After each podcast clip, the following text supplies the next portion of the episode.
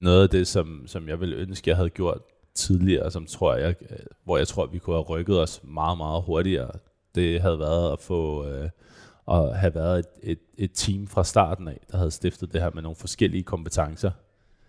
Det der med at være rigtig god til Excel-ark, øh, det er jo super godt, øh, men man bliver ikke øh, lige, lige frem øh, verdensmester i marketing fra den ene dag til den anden. Så det der med at have nogle kompetencer, måske en, der havde noget marketing, og måske en, der havde noget produktionserfaring, det kunne have lettet os for mange af de der meget brutale fejl, som vi selv stod med i starten.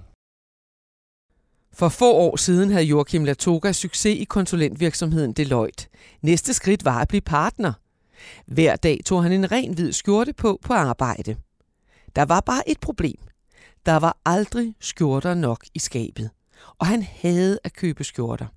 Han blev så træt af jagten på skjorter, at han besluttede at åbne sin egen online skjortebutik.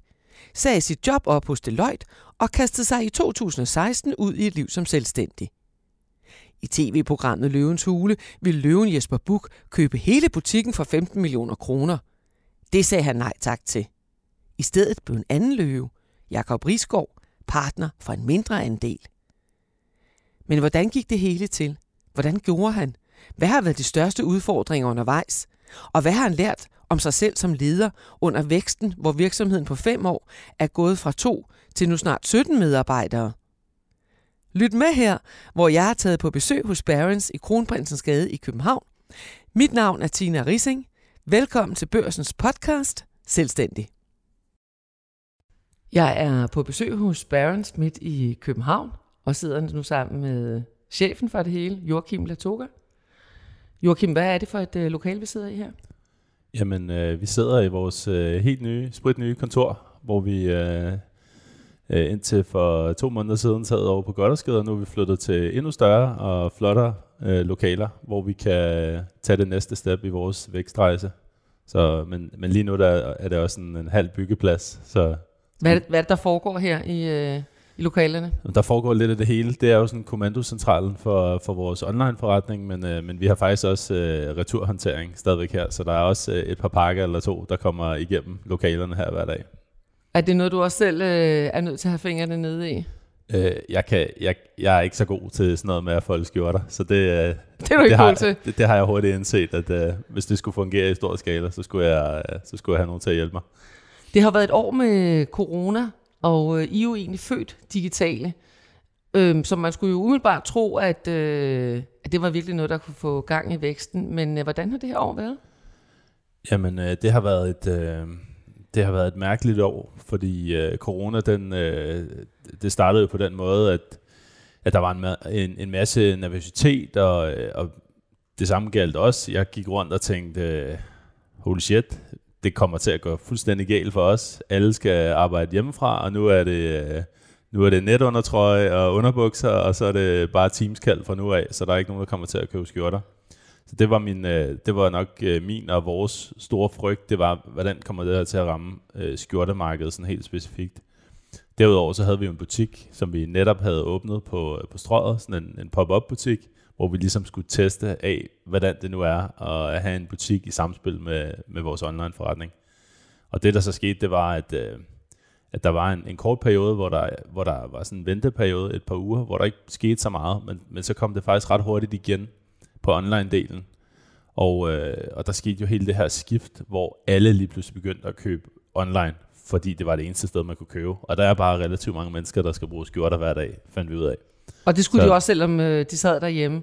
Det var der også nogen, der, der skulle. Jeg tror samlet set, at skjortemarkedet nok skrympede lidt i den her periode her. Men til gengæld så er næsten det hele jo flyttet over online, og der havde vi så en rigtig god øh, position til at, at tage noget af dem, den markedsandel, så hvad har det betydet for jeres øh, vækst? Jamen, øh, sidste år var et fantastisk år. Sådan samlet set, der, der vækstede vi næsten fire gange øh, den samlede forretning. Øh, på trods af, at vi havde en, en butik, der var, der var delvis lukket ned øh, noget af tiden på grund af coronarestriktionerne. Så det var, øh, det var sådan lidt et mærkeligt ambivalent år, men, men samlet set, så øh, endte det med at være et, et godt vækstår igen. Og nu er butikkerne jo åbnet, og folk er kommet tilbage på arbejdspladserne. Ja. Kan, kan I mærke det på efterspørgselen? Ja, det kan vi godt. Det kan vi godt. Øhm, altså, det, nu er det jo... Øh, vi, vi er jo stadigvæk i online-delen, og vi har jo ikke den her fysiske tilstedeværelse. Man kan sige, at det er lidt mere kontrolleret i år, end det var sidste år. Øh, der er stadigvæk vækst i vores kerneforretning, heldigvis. Øh, og vi, vi føler jo stadigvæk, at der er rigtig, rigtig meget, øh, som vi kan gøre for at, at løfte den her forretning videre. Og så er vi jo i gang i Holland og i Sverige også, særligt Holland, som jo har været hårdt ramt, og hvor situationen stadigvæk er lidt præget af corona, vil jeg sige. Og I har jo også planer om at ekspandere yderligere. Men inden vi øh, hører mere om det, så kunne jeg godt tænke mig, at øh, du prøver at tage os øh, lidt tilbage i tiden. Øh, for det var jo sådan, at øh, du egentlig var ansat som director i øh, Deloitte, og øh, næste øh, trin på din karrierestige kunne måske være, at øh, du skulle være partner i Deloitte. Og hvad sker der så? Jamen, øh, i, i min tid i Deloitte, der, øh, jeg, jeg lavede noget fuldstændig andet. Jeg sad jo og lavede store øh, regnearksmodeller, og jeg sad og lavede en masse PowerPoint og, øh, og arbejdede med det her, vi kalder Corporate Finance, som er køb og salg af virksomheder, hjælp succesfulde iværksættere og kapitalfonde med at sælge virksomheder. Så det var det, jeg lavede hver dag, og der øh, bliver man jo typisk øh, eksponeret for nogle rigtig dygtige firmaer. Det er ligesom dem, der bliver typisk bliver handlet. Så man får noget, noget indblik i nogen, der har gjort det rigtig, rigtig, rigtig godt. Og det var selvfølgelig inspirerende, og man ser alle de her forskellige forretningsmodeller, hvordan man kan gøre det. Øh, så det var noget, jeg sådan gradvist blev mere og mere inspireret af. Jeg havde nogle, nogle cases, så, som jeg selv arbejdede med, hvor jeg tænkte, kæft mand, det kunne jeg godt tænke mig at komme ud og prøve en eller anden dag selv, og få noget jord under neglene. Øhm, og så øh, samtidig med det, så, øh, så var der helt den her bevægelse, øh, særligt i USA, over mod det, som, jeg, som vi kalder direct to consumer, altså det her med, øh, hvor et brand sælger online direkte til, til slutforbrugeren. Det var der nogle brands, der var begyndt at gøre. Altså uden et mellemled? Uden, uden fordyrende mellemled. Der kan jo være mellem et og tre fordyrende mellemled. Der kan være en distributør, en agent og, øh, og, og, og butikker. Øh, og, øh, og det var begyndt at blive sådan ret stort inden for nogle lidt mærkelige kategorier. For eksempel øh, briller og... Øh, øh, og madrasser, senge. Øh, et, et firma, der hed Kasper, som jeg kiggede rigtig meget på på det tidspunkt, som er blevet kæmpestort nu i dag. Ikke? Hvor man tænkte, kan man finde noget mere besværligt at sælge online end en kæmpestor madras? Øh, men men det, øh, det begyndte ligesom at tage fart. Og, øh, og så samtidig så observerede jeg i min lille afdeling i Deloitte, at øh, vi var en 30 unge mænd, og vi sad øh, hver dag i rigtig mange timer inde på kontoret og spiste sammen og havde det, havde det sjovt sammen.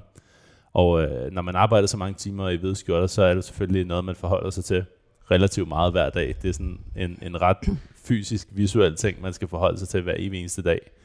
Og der, der noterede jeg, at stort set alle, inklusive mig selv, gik i nogle ganske få udvalgte brands, som var relativt dyre, øh, og som var præget af hele den her gamle distributionsmodel. Og øh, så tænkte jeg, hvad fanden, det kan sgu da ikke være så svært at lave en hvid skjorte jeg kan jo både lave Excel og regneark og, øh, og PowerPoint og det hele. Det, det må da kunne lade sig gøre. Og samtidig så var der det her med, at, at uh, direct to consumer ikke rigtig var kommet til skjorteindustrien. Det var meget præget af de her traditionelle salgs- og distributionsled. Så, øh, så det var sådan det, der tror jeg, der sådan sat den første lille gnist i gang. Og det er bare super ærgerligt, hvis man har købt en skjorte i magasin til 1200 kroner, og så man laver den der, hvor man lige taber sushi ned i sojaen, og så skal man ellers ud og hente en ny skjorte. Men, men hvorfor lige øh, skjorter? Altså, øh, var det noget, du interesserede dig for, eller hvor meget snakkede I om, om skjorter? Hvorfor blev det lige øh, skjorter? Ja, det er faktisk også lidt mærkeligt. Øh, det, det kunne nok have været blevet mange forskellige ting i virkeligheden, men, men skjorter, det jeg observerede med skjorter, det var, at det var, virkede som om, det var sådan lidt underprioriteret del af markedet. Mange af de store, som lavede skjorter, de ville egentlig hellere sælge alle deres sæsonvarer, og jeg var personligt meget frustreret over, jeg, jeg gider faktisk ikke rigtig bruge ret meget tid på tøj i det hele taget. Jeg kan godt lide at se pæn ud, når jeg går på arbejde, men jeg vil helst ikke gøre ret meget for det, og jeg gider slet ikke at bruge min lørdag formiddag på at rode i udsalgsbunker. Og selvom jeg arbejdede rigtig, rigtig mange timer om ugen øh, i den periode der, hvor man spiste aftensmad på kontoret næsten hver dag, øh, så, så var det nærmest sådan absurd for mig, at jeg skulle stå og rode i en udsalgsbunke i januar og sommerudsalg og alle de her ting, for at lede efter de klassiske hvide skjorter.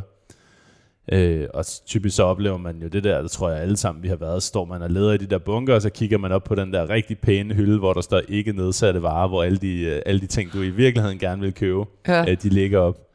Øh, og der har vi alle sammen været jo. Øh, Men alligevel så stod du og rode i bunken. Ja, ja, man, man, man giver den jo et skud, ikke? Det kunne jo være, at man er heldig, og så ender man jo med at købe en eller anden med en eller anden mærkelig krav, eller med små øh, bananer på, eller et eller andet, som man godt ved, at man nok ikke får brugt 100 gange.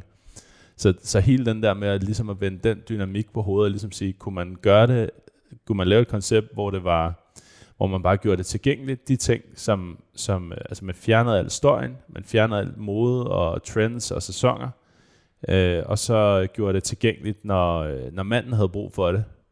Ham vi kalder skjortekrigeren, ham der arbejder rigtig mange timer, når det er ham, der har brug for at købe en skjorte, ikke når vi føler, at det, det er tid til at holde januar selv. Så ligesom vende den der dynamik på hovedet. Øh, det var en af de ting, hvor jeg tænkte, okay, det ville give super god mening for ham. Øh, så så det, var, det var sådan en observation, som, som jeg tænkte, okay, det, det kunne være, at det gav mening. Så, så, så din egen øh, personlige erfaring, altså det var også noget med, du siger en skjortekriger.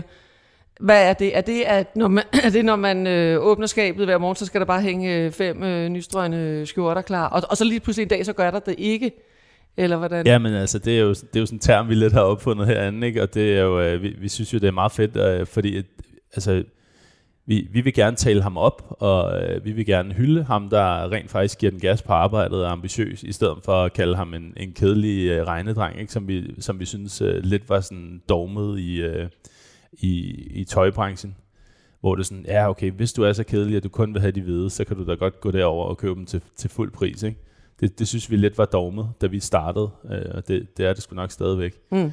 Øhm, og, øh, og så derfor så opfandt vi det der term, for ligesom at, og, og gøre det lidt fedt. Skjortekrigeren. Ja, præcis. Og der er nogen, det, der er nogen som synes, det er det, det er det værste, altså som, som slet ikke kunne forestille sig noget værre, end at åbne et tøjskab om morgenen, og så hænger der bare øh, fem hvide knivskarpt og fem lyseblå knivskarpt, og så er der ikke andet at vælge mellem. Det er der nogen, der synes, det er det værste i verden. Og så er der nogle andre mennesker, særligt vores kunder, de synes, det er det fedeste i verden, fordi så skal de ikke bruge tid og mental energi på at træffe det valg så kan de bruge deres mentale energi på at træffe nogle andre valg i løbet af dagen. Under sin karriere i Deloitte har Joachim Latoga lagt op imod en halv million kroner til side. De penge bruger han til at starte virksomheden op for. Jamen, øh, jeg er sådan en, der øh, jeg er sådan lidt sparsomligt anlagt. Jeg tror, det er fra min, øh, min, min fars side af familien nede i Nakskov, hvor de, hvor de kommer fra, hvor man ikke havde så mange penge at, at rute med. Så jeg har aldrig, jeg har aldrig været sådan en, der havde kæmpe behov for at brænde en hel masse penge af. Så, så i, i min tid i, i Deloitte, i særligt de sidste par år, der, hvor jeg vidste, okay, det her det kommer nok til at ske, der begyndte jeg at lægge nogle penge til side. Jeg havde, jeg havde øh, fået en, øh, min, min første lille datter, øh, cirka et halvt år inden jeg sprang ud, og, og startede det her projekt, så jeg vidste også, sådan, okay, der kommer til at være nogle udgifter, så, så det er nok en meget, godt, meget god idé lige at have en lille smule på kistebunden. Så, øh, så jeg, havde, øh, jeg havde sørget for at have lidt med, øh, inden jeg startede det her projekt, og det var, det var ret heldigt, vil jeg sige, fordi da, da vi lagde ud, der tænkte vi, okay, inden for 6 måneder, vi giver det 6 måneder, og så er vi mm. nok klogere på, om øh, hvornår vi kan begynde at tage løn ud, og, og du ved, hvor gode vi er til at lave en skjorte og sælge den osv. Men der kommer til at gå langt mere end 6 måneder, og opsparingen får hurtigt ben at gå på. Nogle af dem, dem endte vi jo med at bruge dag 1 på at lave hjemmeside, og på at lave emballage, og på at købe den første ordre, som var cirka 700 skjorter, ja. som blev leveret af en meget forvirret fragtmand, der holdt øh, nede, på, øh, nede foran min lejlighed på Østerbro, hvor vi så måtte bære de her kasser øh, op i et, øh, et han, han vidste ikke, hvad hvor skulle de der syv nej, altså, hen? Nej, han tænkte jo, øh, der skulle være et lager, en lagerbygning eller et eller andet. Ikke? Det var så lige op på min, øh, i, i mit soveværelse her, hvor de første kasser så stod, øh, indtil vi fik det første kontor. Øh, så det var, øh, så, så, så det var jo et helt, en helt, helt spæde start, ikke? hvor man ja. prøver sig frem. Jeg havde en halv million med cirka, som jeg havde sparet op over tid, øhm, og det, det gik så til at dække min egen løn i næsten to og et halvt år mm. herefter, fordi der, det viser sig, at øh, efter seks måneder, der, øh, der var jeg overhovedet ikke blevet klogere på noget mm. som helst. Vi havde haft udsolgt i stort set hele den periode, øh, fordi at, at de der 650-700 skjorter, som vi startede med at, at, at få ind der i, i november måned, dem øh, solgte vi ud stort set øh, alle sammen hen over julen det år. Så det, det gik faktisk meget godt, at vi havde nogle events og sådan noget, så vi Vi fik dem solgt, øh, især, hvor, især de størrelser, som solgte, og så havde vi en masse størrelser af de, af de forkerte liggende. og så fandt vi ud af, eller det var sådan den, den første, øh, det, det første sådan, øh, chok, vil jeg sige, det var, at vi fandt ud af sådan, hov, man er lige nødt til at tage højde for, at, at det tager sådan 3-4 måneder at ja. producere nye skjorter. Ja. Det er ret frustrerende at rende rundt og vente med udsolgte hylder i tre måneder, når man, øh, når man lige er startet. Og det, det er noget, vi har øvet os på meget lige siden. Det er, hvordan man styrer hele den der produktionskæde øhm, og forbedrer den hele tiden. Men, og, og hvor mange øh, folk er I på det her tidspunkt, øh, hvor I startede? Der er vi to. Mm. Mig og min tidligere kollega fra Deloitte. Mm. Så, øh, så det var det var bare over på en kaffebar og sætte sig der med sin øh, computer og så prøve at se, hvad man kunne øh, finde på. Det var jo helt spæde start, ikke? så øh, meget af det skulle læres fuldstændig fra Ada med Eva. Vi, øh, vi fandt ud af, at der var noget, der hed annoncering på Facebook. Så er det et på Google og gå i gang med det. Og meget af det, det er jo sådan noget, hvor man må lære sig selv det til et eller andet stadie, fordi der netop ikke er penge til at hyre eksperter ind til, til det hele. Så øh, vi fik bygget en simpel hjemmeside, som vi også stort set byggede selv, og øh, fik sat op selv, og, og var heldige at vælge et godt system dengang, øh, som er vokset sig kæmpestort. Øh, så så der, var, der var sådan en masse små, meget håndgribelige ting, vi skulle lære på, på det tidspunkt. Ikke? Der, der var, det var ikke så voldsomt meget, vi kunne, vi, vi kunne bruge fra Deloitte-tiden. Selvfølgelig det finansielle, Excel-arkene, det havde vi fuldstændig styr på, men, men der var rigtig, rigtig mange andre discipliner, som man skulle lære. Jeg vil sige, der, der, gik nok et, øh, der gik nok et års tid, inden vi sådan havde den første ansatte, reelle ansatte, og så kom der nogle flere til løbende, og nogle af dem blev så skift, skiftede vi fra at være studenter til at være deltid eller til at være fuldtid. Så det har været sådan en, en kontinuerlig øh, rejse, det der.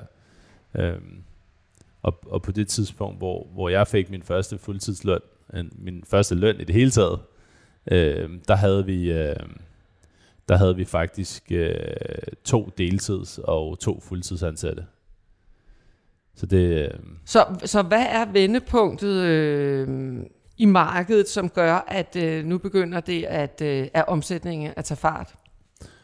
Øh, der, der, var, der var flere ting. Altså et, vi havde lavet en, en masse dyre fejl i starten, som bare gjorde, at, at det der punkt, øh, hvor vi selv kunne begynde at, at leve lidt af det, at, at det blev udskudt hele tiden. Øh, Hvad var vi, det for nogle fejl? Ja, vi, vi havde blandt andet en, øh, en meget dyr og meget øh, ærgerlig fejl, hvor vi, øh, hvor vi havde fundet en, en rigtig, rigtig fin sygstue, som øh, lavede for nogle af de her store brands, som, som vi synes er, var, var rigtig dygtige. Blandt andet nogle af dem over i Sverige, som, som vi godt kan lide at konkurrere lidt med. Og det var jo super, at vi kunne finde frem til sygestuer, som lavede for de her fine brands. Og øh, det, der bare så var problemet, det er jo, at øh, hvis, hvis der er store brains, der fylder 90-95% af en systue, og du selv mm. fylder under 1% af systuen, så bliver du nok ikke prioriteret sådan super højt øh, i den der produktionsrækkefølge. Og det, der sådan helt konkret skete i det der tilfælde, det var jo, at øh, de store, de begyndte at skrue op, og, øh, og vores produktion, den blev så lige flyttet til nogle underleverandører, uden vores vidne, som havde nogle lidt andre maskiner, og de der indstillinger til maskinerne, de, øh, de skulle så øh, have været ændret, men øh, det blev de så ikke. Og vi vidste jo ikke noget som helst om det her. Og vi fik nogle skjorter, de så meget fine ud, og vi solgte en masse af dem, indtil vi fandt ud af, at når de var blevet vasket en to-tre gange, så begyndte øh, kraverne nærmest at falde fra hinanden. Mm-hmm. Øh, og der var også nogle af dem, der var helt skæve på målene, så det var sådan, sådan nogle ting, hvor du kan ikke rigtig se det øh, mm. på overfladen, men kunderne kan virkelig, virkelig se det. Ikke? Så I fik mange øh, returskjorter? Ja, jeg tror også, vi havde den der periode, hvor at vi, vi, vi fandt selv ud af det, og, og, øh, og der måtte jeg faktisk skrive en mail ud. Vi, på det tidspunkt, der vidste vi ikke, hvem der havde købt hvad. Nej. Så jeg måtte skrive den der super ærgerlige e-mail til samtlige kunder, der nogensinde havde købt en skjorte hos os, og skrive, beklager, der har været en fejl. Øh, sådan og sådan, at den, vil du opleve den her fejl. Hvis du har fået sådan en skjorte, så er det altså ikke det, der er vores ambitionsniveau. Det er ikke sådan en, en Baron skjorte skal være. Mm. Og så, så skal du sende den tilbage. Og det, det sad vi fire mennesker næsten og håndteret i, i næsten to måneder. Mm-hmm. Som jo var super frustrerende, ikke? Mm. for det er jo fuldstændig reaktivt mm. i en periode, hvor man burde være proaktiv og, og jagte mm. nye, nye muligheder. Og det kostede selvfølgelig også en masse, en masse penge. Så det var, det var lidt crazy, men, men til gengæld så gav det selvfølgelig øh, nogle rigtig, rigtig øh, glade kunder, nogen som, som potentielt set øh, bare øh, ville have købt en skjorte og tænkt, det er fandme noget lort det her. Så øh, blev de glade øh, for at ligesom blive bekræftet i, sådan, okay, det er ikke sådan her, det skal være, og vi var proaktive omkring øh, deres oplevelse. Øh, det var noget, vi, vi faktisk fik, fik rigtig, rigtig meget loyalitet af mm. i starten, så, så der kom også noget godt ud af det, kan du sige. Mm. Men, men den var lidt hård at, at gå igennem. Og, og øh, det var en af, de, en af de erfaringer, I, som I så gjorde jer. Men, øh, men hvad sker der, der, som gør, at efterspørgselen på skjorterne virkelig øh, tager, tager fat? Jamen det, det kommer løbende, og det kommer i takt med, at vi bliver bedre og bedre til vores øh, markedsføring. Det kommer i takt med, at vi bliver bedre til at sørge for, at vi ikke har udsolgt hele tiden. Mm-hmm. En meget banal lille ting, men, men ret vigtig. Har det været en udfordring? Det har været en, en stor udfordring. Især i starten havde vi meget, meget, meget, meget svært ved at håndtere det der. Det var ligesom om vores store, flotte Excel-ark, de passede ikke rigtig med virkeligheden. Nej, okay. Øh, så det var, der var ikke nogen skjorter at fylde ind i, nej, i arkene. Nej. Så det var super frustrerende. Ja. Øh, Hvor, var, hvorfor var de øh, altså udsolgt? Altså var det levering, der ikke kunne følge Det var med? levering. Vores, vores produktion var simpelthen ikke, den var ikke fleksibel nok. Den var, den var for reaktiv og for langsom, og vi havde ikke godt nok styr på de processer, som man skal have styr på. Sørge for, at de forskellige komponenter lander på de rigtige tidspunkter.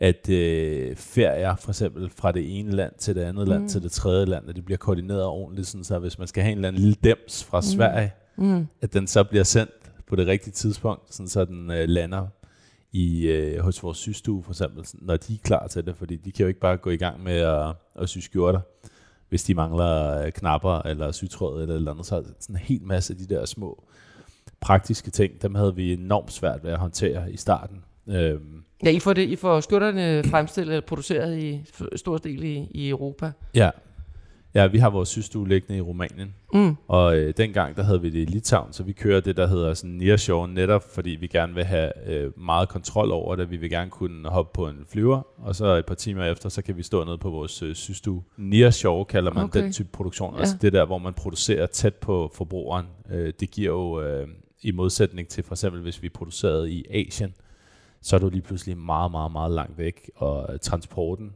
som typisk foregår i container, der snakker vi jo 3-4 måneder, hvor her, jamen, der kan du køre en lastbil mm. øh, med, den, med den færdige vare, den kan du køre til, øh, til vores lager på 5 dage. Så det, det er en helt fundamental øh, forskellig måde at producere på, og det, det reducerer jo selvfølgelig øh, risikoen og hastigheden en lille smule, og på trods af det havde vi stadigvæk svært ved det.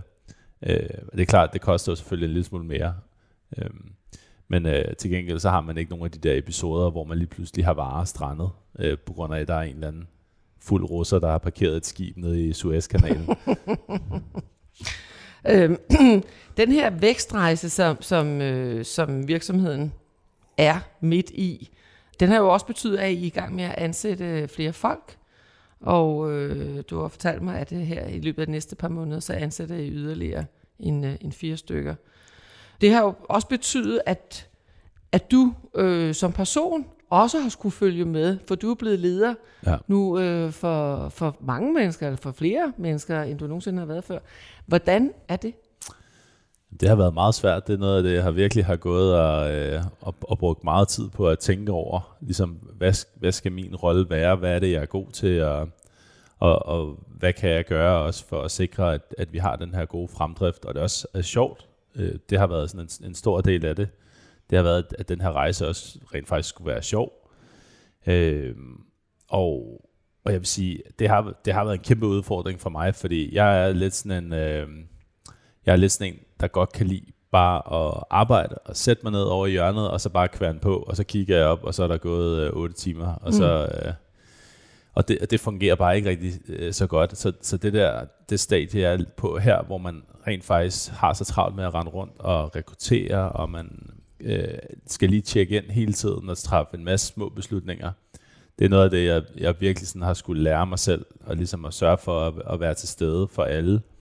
Og, øh, og, og det gør selvfølgelig, at man ikke kan være helt lige så langt nede i, øh, i materien, og selv sidde og, og, og dække fuldtids, op til flere fuldtidsstillinger. Jeg har jo lavet alle jobs, der er i den her forretning, har jeg jo lavet, eller prøvet i hvert fald ikke. Jeg er jo slet ikke kvalificeret til at, at lave noget af det. Jeg er 100% selvlært til at lave det meste af det.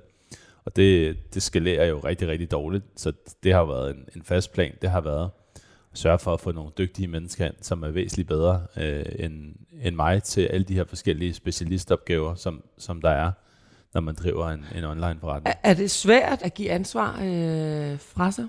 Det er det.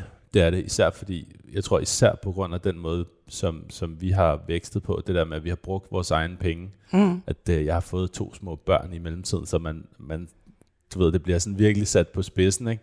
Det der med sådan, man føler virkelig, man har, øh, man har offret noget for det. Mm. Øh, og når man selv har siddet med det, så, er man sådan, så har man en eller anden øh, prædefineret idé sådan om, nå ja, men jeg, jeg gjorde det jo sådan der, hvorfor, mm. hvorfor gør de, de det mm. på en anden måde, end det jeg gjorde det på, ikke? og det skal man jo stole på, at jamen, man skal give folk frihed, men nu har man jo hyret mænd til rent faktisk at, at gøre det. Hvordan lærer man det? Det, det tror jeg ikke, man sådan, øh, jeg tror ikke, der er sådan en, øh, en øh, skabelon til, hvordan man lærer det. Jeg tror, det er faktisk det er sådan noget, man skal arbejde med meget sådan, øh, meget sådan kontinuerligt løbende at være opmærksom på, hvad det er, man gør, og så skal man, øh, øh, for mig har det også været en, en del af det, det har været det her med at blive mere struktureret omkring, hvordan jeg bruger mine dage. Tidligere var det sådan, og sådan er det bare i alle startups, at øh, der er tusind små ildebrænde rundt omkring dig, og jeg er sådan en, jeg løber bare rundt, og hvis der er en ildebrand, så begynder jeg at slukke den, uanset hvad det er, ikke? Ja. om det er stort eller småt. Øhm, og jeg prøver at slukke så mange ildebrænde, som jeg overhovedet kan. Og det kan godt være, øh, det, det kan være fint nok, når du er helt, helt lille, for det, så får du virkelig også gjort noget. Du får, du får rykket tingene, og du bruger en, en masse af din egen tid. Øh, og det, øh, det er fint, når man starter, men, men når man skal rykke det til det næste stadie, så er man jo nødt til ligesom at sørge for, at man fokuserer på de der ildbrænde, øh, ildbrænde der står lige ved siden af en øh, benzintønde, der kan få det hele til at eksplodere. Der, der er man ligesom nødt til at prioritere lidt mere, øh, sådan så man ikke fokuserer kun på de små ting, men, men prøver også at fokusere på, hvad er det egentlig, der, hvor er det den, den store ildebrand, den, øh, øh, den skal slukkes hen. Ikke? Øh, så det er sådan, øh, jeg ved godt, det er sådan lidt overført betydning, men, men jeg kan du prøve at give nogle eksempler på, øh, ja, hvad det, det har det, været? det kan jeg godt. Altså det, det kan jo være sådan nogle helt små ting, som at øh, lige nu for eksempel, der er jeg, øh, jeg vil kalde mig direktør og visevært i øh, forbindelse med vores, øh, vores byggeprojekt her. Ikke? Og der kan man meget hurtigt, fordi det er sådan en, en lille fysisk ting, sådan tænke, okay, ah, det er godt nok uh, vigtigt, at vi kommer helt på plads med vores kontor. Mm. Og så involverer man sig en hel masse i det, fordi man går rundt i det hver dag. Og der kan man jo sagtens komme til at tage tid fra noget, som måske handler om øh, hjemmeside 2.0, ikke, som er ved at blive bygget som et større projekt, eller øh, udvikling af nye produkter, eller nogle af de her store, mere komplekse øh, projekter, som, som bare kræver, at man virkelig har ro og tid til at sætte sig ned. Øh, og så, så i stedet for, så, så render man rundt og øh, vælger farver på væggene i stedet for. Ikke? og det er sådan en helt konkret ting, ikke? Som, øh, som, altså, som jo også er der, og som også skal gøres. Ikke? Og, ja. det, øh, ja. og, og dem, dem er der tusind af hele tiden. Så det, det er sgu lidt en kunst på en eller anden måde at få, få fundet ud af, hvordan man bruger sin tid på den smarteste måde. Jeg så øh, på jeres tavle her inde i et af de andre øh, lokaler, I havde haft i en form for en teamdag, og et af de punkter, der stod, det var, at, det, at kontoret skulle være et sted, man ikke ville hjem fra. Ja. Hvad betyder det for dig, at øh, som, øh, som direktør, skråstrej visevært her, at, at din arbejdsplads er øh, fungerer? Altså, hvad er, det, hvad er det, der er fokus på her? Jeg tror, når man er, når man er helt nystartet, altså vi har været igennem et kontor cirka hvert år og rykket til noget, der er bedre bedre bedre. Når man kommer fra en stor virksomhed, så tager man det, mange af de der ting som en total selvfølge. Øh, når man så kommer ud og starter sådan helt fra nul af og finder ud af sådan, okay, jeg skal selv sørge for rengøring, jeg skal selv sørge for mad. Øh, der er ikke nogen faciliteter af nogen øh, art, der er ikke nogen IT-afdeling, der hjælper en. Alle de der ting, så find, begynder man sådan gradvist at finde ud af, okay, det er virkelig vigtigt, at rammerne rent faktisk er gode, og det er især vigtigt, når man begynder at skulle danne sig et team, hvor folk ligesom skal have det hyggeligt, når de går på arbejde, at de, kan, at de kommer på arbejde og rent faktisk er, er glade, øh, og ikke sidder i, øh, øh, over i hjørnet i en eller anden lagerhal, hvor der er minus 3 grader. Så øh, jeg vil sige, det, det er sådan en ting, jeg har fået lidt respekt for i starten. Der, der kan man jo ikke man kan ikke træffe det valg og ligesom sige, nej, nu bor vi i en, et, øh, et stort dejligt kontor, fordi de penge har man bare ikke. Men, øh, Men, men det er helt klart sådan et sted, hvor jeg siger, okay, det, det, det giver rigtig god mening at sørge for, at man har nogle gode rammer. Hvor, hvorfor? Altså, hvad sker der, hvis man ikke har det? Jeg tror, det er demotiverende, og især når man har ansatte, øh, du ved, når man er ejer, så, så tror jeg, at man har sådan en, en meget højere tærskel end, end mange andre, fordi man, man er et helt andet sted, og det er på en eller anden måde ens egen hjertebarn, og ens egen pengepunkt, der er meget sådan tæt involveret med forretningen. Men en medarbejder, det er jo, øh, de er jo måske et andet sted, ikke? Mm. Og, og de, øh, de vil gerne have, at der er, øh, at de ikke skal rende ned og hente øh, sandwich hver dag, den samme øh, sandwich et år i træk, og øh, at der rent faktisk er nogen, der kommer og, og, og lige gør lidt rent en gang imellem, og øh, det er et sted, hvor de også føler, at, at det er hyggeligt at være, og hvor man kan drikke en fredagsøl. Og Men du siger, det er noget, du har fået respekt for. ja, Er det fordi, du har oplevet, at hvis rammerne ikke er gode, så, så går det ud over øh, Ja, det er demotiverende. Ja. Ja. Det er demotiverende. Altså, det, det, du kan sidde i en skotøjsæske i, øh, i, øh, i et eller andet antal øh, måneder, øh, og, og det antal måneder, det er nok relativt langt, når du er stifter og ejer. Hvorimod, hvis du er ansat og kommer ind hver dag, så er det antal måneder bare noget lavere, indtil du begynder ligesom at, at, at miste noget moral på det, fordi Mhm. rammerne bare, mm. altså hvis der også, du, ved, du, du kæmper både som, som den der David mod Goliath, og har en masse udfordringer, som skal løses hver dag, og så er der, så er der også nogle rammer, mm. som, øh, Men går det ud over omsætningen, hvis rammerne ikke er i orden? Øh, det, det, det ved jeg ikke, om det gør, men, men jeg tror, at hvis du skal begynde at gå i, i et scale-up-vejen, altså hvor du skal til at tænke på, hvordan man bygger en kultur og en organisation Mm. op, så, så er rammerne helt klart vigtige også. Øh, det, det er en, en del af det samlede billede, Mm. at man, øh, at man har det godt, når man går på arbejde, og man er stolt af der, hvor man møder ind, og Mm. mm. øh, det, det er helt klart en ting, tror jeg. Nu er I jo midt i rejsen, så at sige, øh, stadigvæk, og I har ambitioner om at komme til, til andre lande end, end øh, der, hvor ja, Holland og Sverige. Blandt andet jo måske øh, Tyskland øh, øh, og Norge. Bare sådan, når du lige, øh, i den periode, som I allerede har eksisteret, er der ting, hvor du, hvor, som du ville have gjort anderledes allerede nu? Der er mange ting. Der er rigtig mange ting. Altså hvis vi går sådan helt tilbage, så noget af det, som, som jeg ville ønske, jeg havde gjort tidligere, som tror jeg, hvor jeg tror, vi kunne have rykket os meget, meget hurtigere, det havde været at få øh, at have været et, et, et team fra starten af, der havde stiftet det her med nogle forskellige kompetencer.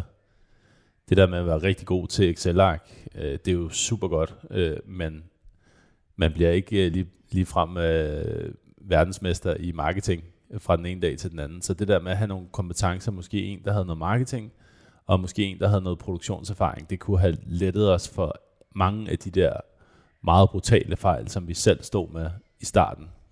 Så, så det er nok sådan et, et, et meget godt øh, råd til andre, tror jeg. Det er sådan, det er sgu meget fedt at have nogle forskellige kompetencer, man kan spare med, og så kan man også dele ansvaret meget mere klart ud. Men, men årsagen til, at du ikke gjorde det dengang, hvad var det? det var meget tilfældigt, vil jeg sige.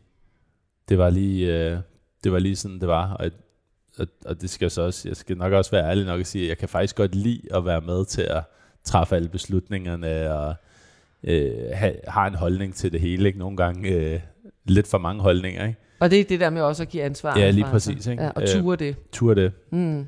Så, så, men jeg tror faktisk, det, det var sådan lidt tilfældigt. Det var nu lige øh, sådan, som det var på det tidspunkt. Der, øh, Men i dag, hvor hvor meget har du så fokus på det med at, at skabe et team, hvor at øh, folk har øh, øh, øh, gode kompetencer på nogle områder, hvor du måske ikke er, er den bedste? Det vil jeg sige, det er, det er næsten mit hovedfokus nu. Øhm, det er at sikre, at vi får ligesom sat det der hold, som rent faktisk kan rykke sammen. Og i takt med, at man vokser og har, får flere og flere mennesker ind, så bliver man også meget bevidst om, hvor det er, at der ligesom er nogle tandhjul, der mangler i den her forretning. Altså hvor det er, at der er nogle, en, en eller anden kompetence, som binder det hele sammen, som man mangler i holdet. Så, så, så øh, det der med at få motoren til at snore, det, det er helt ekstremt vigtigt, øh, der hvor vi er lige nu i, i vores forretning. Og når, når jeg mener motoren, snore og tandhjul, så mener en eller anden person med en spidskompetence, en, en ny medarbejder, som vi måske ikke har haft tidligere, hvor vi sådan har prøvet efter bedste evne at få det til at fungere. Og så kommer der lige pludselig nogle nye dygtige mennesker ind, som øh, virkelig har brug for, at det bare virker, Mm. at, at de også får den Mhm. mm-hmm. sparring, øh, for at de kan lykkes med deres arbejde. Så, øh, så få sat det der hold, det er bare super, super vigtigt. Er du en god leder? Øh, det, det er sgu et godt spørgsmål. Det, det, det er nok svært at svare på selv, tror jeg.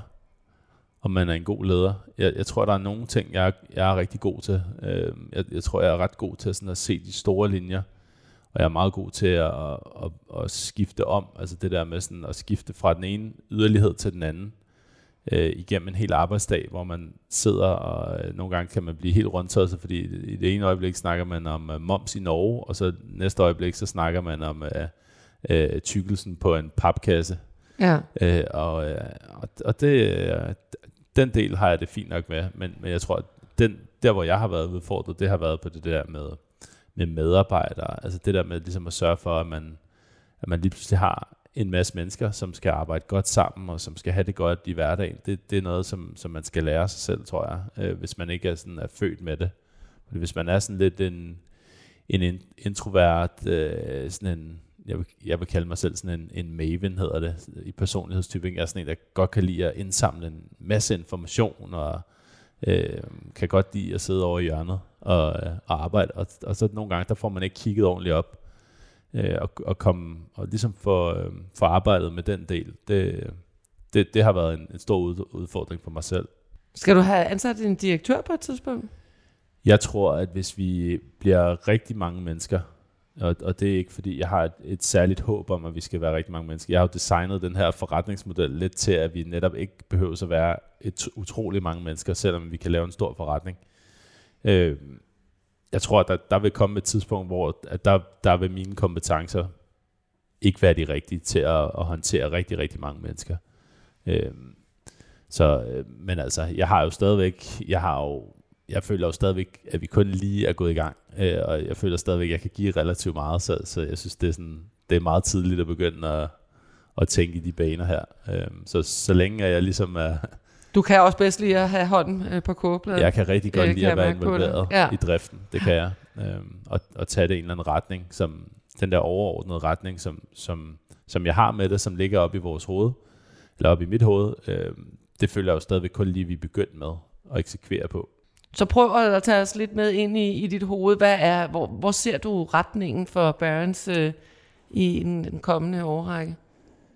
Jamen, øh, der, nogle gange så, så snakker vi om det der med, hvad, hvad er målet med det her? Og, øh, og, og jeg er nok en af dem. Jeg, selvom jeg er så øh, talglad normalt og kommer fra sådan en verden, så har, jeg har ikke et eller andet sådan specifikt mål med, at vi skal omsætte fra X, Y, Z, eller have X markedsandel, eller være i så mange lande. Øh, det, det har jeg faktisk ikke med det. Altså, jeg har mere sådan en, en lidt mere diffus ting, som, som handler om, at vi skal... Øh, at, øh, at vi skal prøve at gøre det på en anden måde, end alle de andre gør. Altså det der med at rent faktisk blive anerkendt for det. Og, og det føler jeg stadigvæk, at vi kun er ligesom i de spæde skridt på at finde ud af, hvad er det for en retning, vi skal tage. Og det, hvad, det, hvad, hvad, det, hvad tænker du på her? Jamen det der med, at så det ikke bare bliver, altså verden har jo ikke brug for bare endnu et, et tøjmærke. Øh, vi skal på en eller anden måde udnytte den position, vi har til at til at udfordre den måde, man har, man har gjort det på. Så vi, jeg er personligt meget glad for at stå på ski og kitesurf og alt sådan noget med, med vand og sne. Og øh, en af mine store helte, det er, det er ham, der har stiftet et, et outdoor-mærke, der hedder Patagonia. Så jeg går rundt og drømmer om at være dem der, der bliver anerkendt som værende den hvide skjorte svar på, på Patagonia.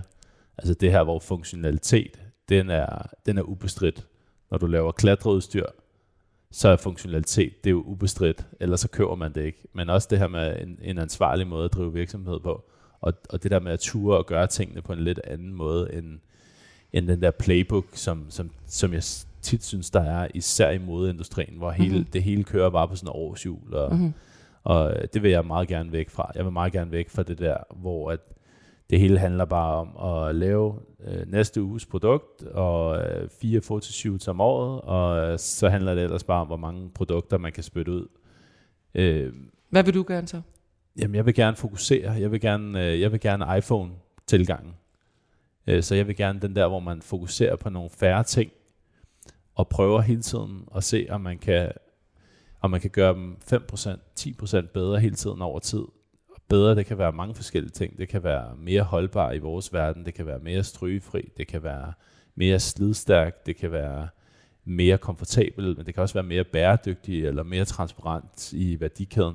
Der er tusind ting, der kan forbedres i den her industri, vil jeg sige. Det er en, en meget stor og kompleks og, og øh, også meget konservativ industri, så der, der er sgu rimelig meget, man kan gøre der, vil jeg sige. Og det, og det kræver selvfølgelig, at man er villig til at fokusere øh, på nogle få ting, frem mm. for at ville det hele på samme tid. Mm. Og, og der har vi jo sat os i en position, fordi vi har så få produkter, og fordi vi har så, øh, så snæver en måde at sælge vores varer på, også det her med, at vi kører egne kanaler. Mm. Øh, det gør jo selvfølgelig, at vi har noget, noget tid og energi og fokus til at, at fokusere på en anden måde. Du sagde jo nej til øh, de 15 millioner i øh, løvens hule. Har du fortrudt det? Det har jeg ikke fortrudt, nej. Og vi er stadigvæk kun lige gået i gang.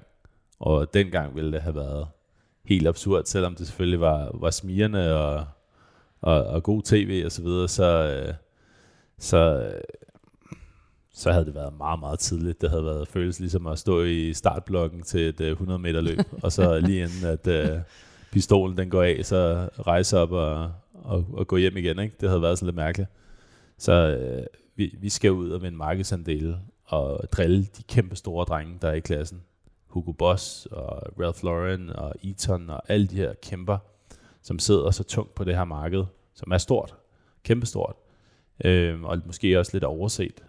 Og, og derfor vil det være meget mærkeligt at, at folde, at folde kortene så tidligt. Um, Tør du sætte øh, værdier, øh, værdiansættelse på, på virksomheden nu? Nej, det tør jeg ikke. Det tør jeg ikke. Det, jeg tror, den svinger meget fra dag til dag. Uh, og jeg ved jo, uh, jeg har jo arbejdet netop med værdiansættelse af virksomheder og køb og salg af virksomheder. Så jeg ved også, at, at på det her stadie, hvor vi er nu, det er, um, der er det der med værdiansættelser, det er ikke sådan en, en helt eksakt videnskab. Vil du nogensinde øh, være parat til at øh, sælge virksomheden? Nu er der jo godt nok flere partnere i den allerede, men vil du være parat til fuldstændig at skille af med den, hvis den rigtige pris øh, kommer? Altså det har aldrig været planen for mig at, at skulle sælge. Jeg er jo stadigvæk en, en ung mand, så jeg, og jeg føler jo stadigvæk, at vi er kun lige gået i gang med vores rejse mod at kæmpe mod alle de her kæmpe store giganter ude i, ude i markedet. Og, øh, og så har jeg jo det her med, at jamen, øh, Barons, det kommer jo af mit mellemnavn, og, øh, og, og min person er jo meget tæt forbundet med den her virksomhed også, så det, det er også en, en ekstra dimension, der vil gøre det lidt mærkeligt at bare sige farvel, og så lade nogle andre øh, fortsætte det. Så, så nej, det, det, er slet ikke, øh, det ligger slet ikke lige i kortene, at, at det er noget, der skal ske her. Jeg håber at være involveret i, i mange år fremover. Kunne du forestille dig at lave andre ting end at sælge skjorter? Du virker jo også som en person, som, som har energi og et drive, og måske en iværksætter ånd, ja. øh, og, og godt kunne køre selvstændig med andre virksomheder. Det kunne jeg sagtens, det kunne jeg sagtens forestille mig. Øh, og jeg, jeg kunne også sagtens forestille mig, at på et eller andet tidspunkt, så hører mine kompetencer, øh, når der er rigtig mange mennesker, hvis, der, hvis og når der er rigtig, rigtig mange mennesker ansat, så er jeg helt sikker på, at så er mine kompetencer ikke de rigtige til at, at være leder. Øh, og så, så skal jeg jo selvfølgelig finde en rolle, øh, hvor det giver mening, at jeg kan bidrage med noget værdi. Øh, men jeg vil sige, der er stadigvæk et, forhåbentlig et godt stykke vej til, øh, til den dag kommer, og, øh, og, og dermed ikke sagt, at, at, at jeg så skal helt ud, så vil jeg måske finde noget mere specifikt at, at lave i virksomheden. Øh, men, men jeg kunne sagtens se mig selv lave, lave alle mulige andre ting. Jeg har sådan en interesse at gå rundt og finde på alle mulige idéer, stort set på, på daglig basis. Øh, så, øh, så på den måde, så det kunne jeg sagtens se, ja. Sådan lød det fra stifteren af Barons, Joachim Latoga, da vi besøgte ham på det nye kontor i det indre København. Tak fordi du lyttede med. Peter Emil Witt har klippet og redigeret lyd. Du kan finde yderligere oplysninger og lytte til de andre podcast i serien Selvstændig, der hvor du plejer at finde din podcast favoritter og på borsen.dk. På genhør i næste udgave af Børsens podcast Selvstændig.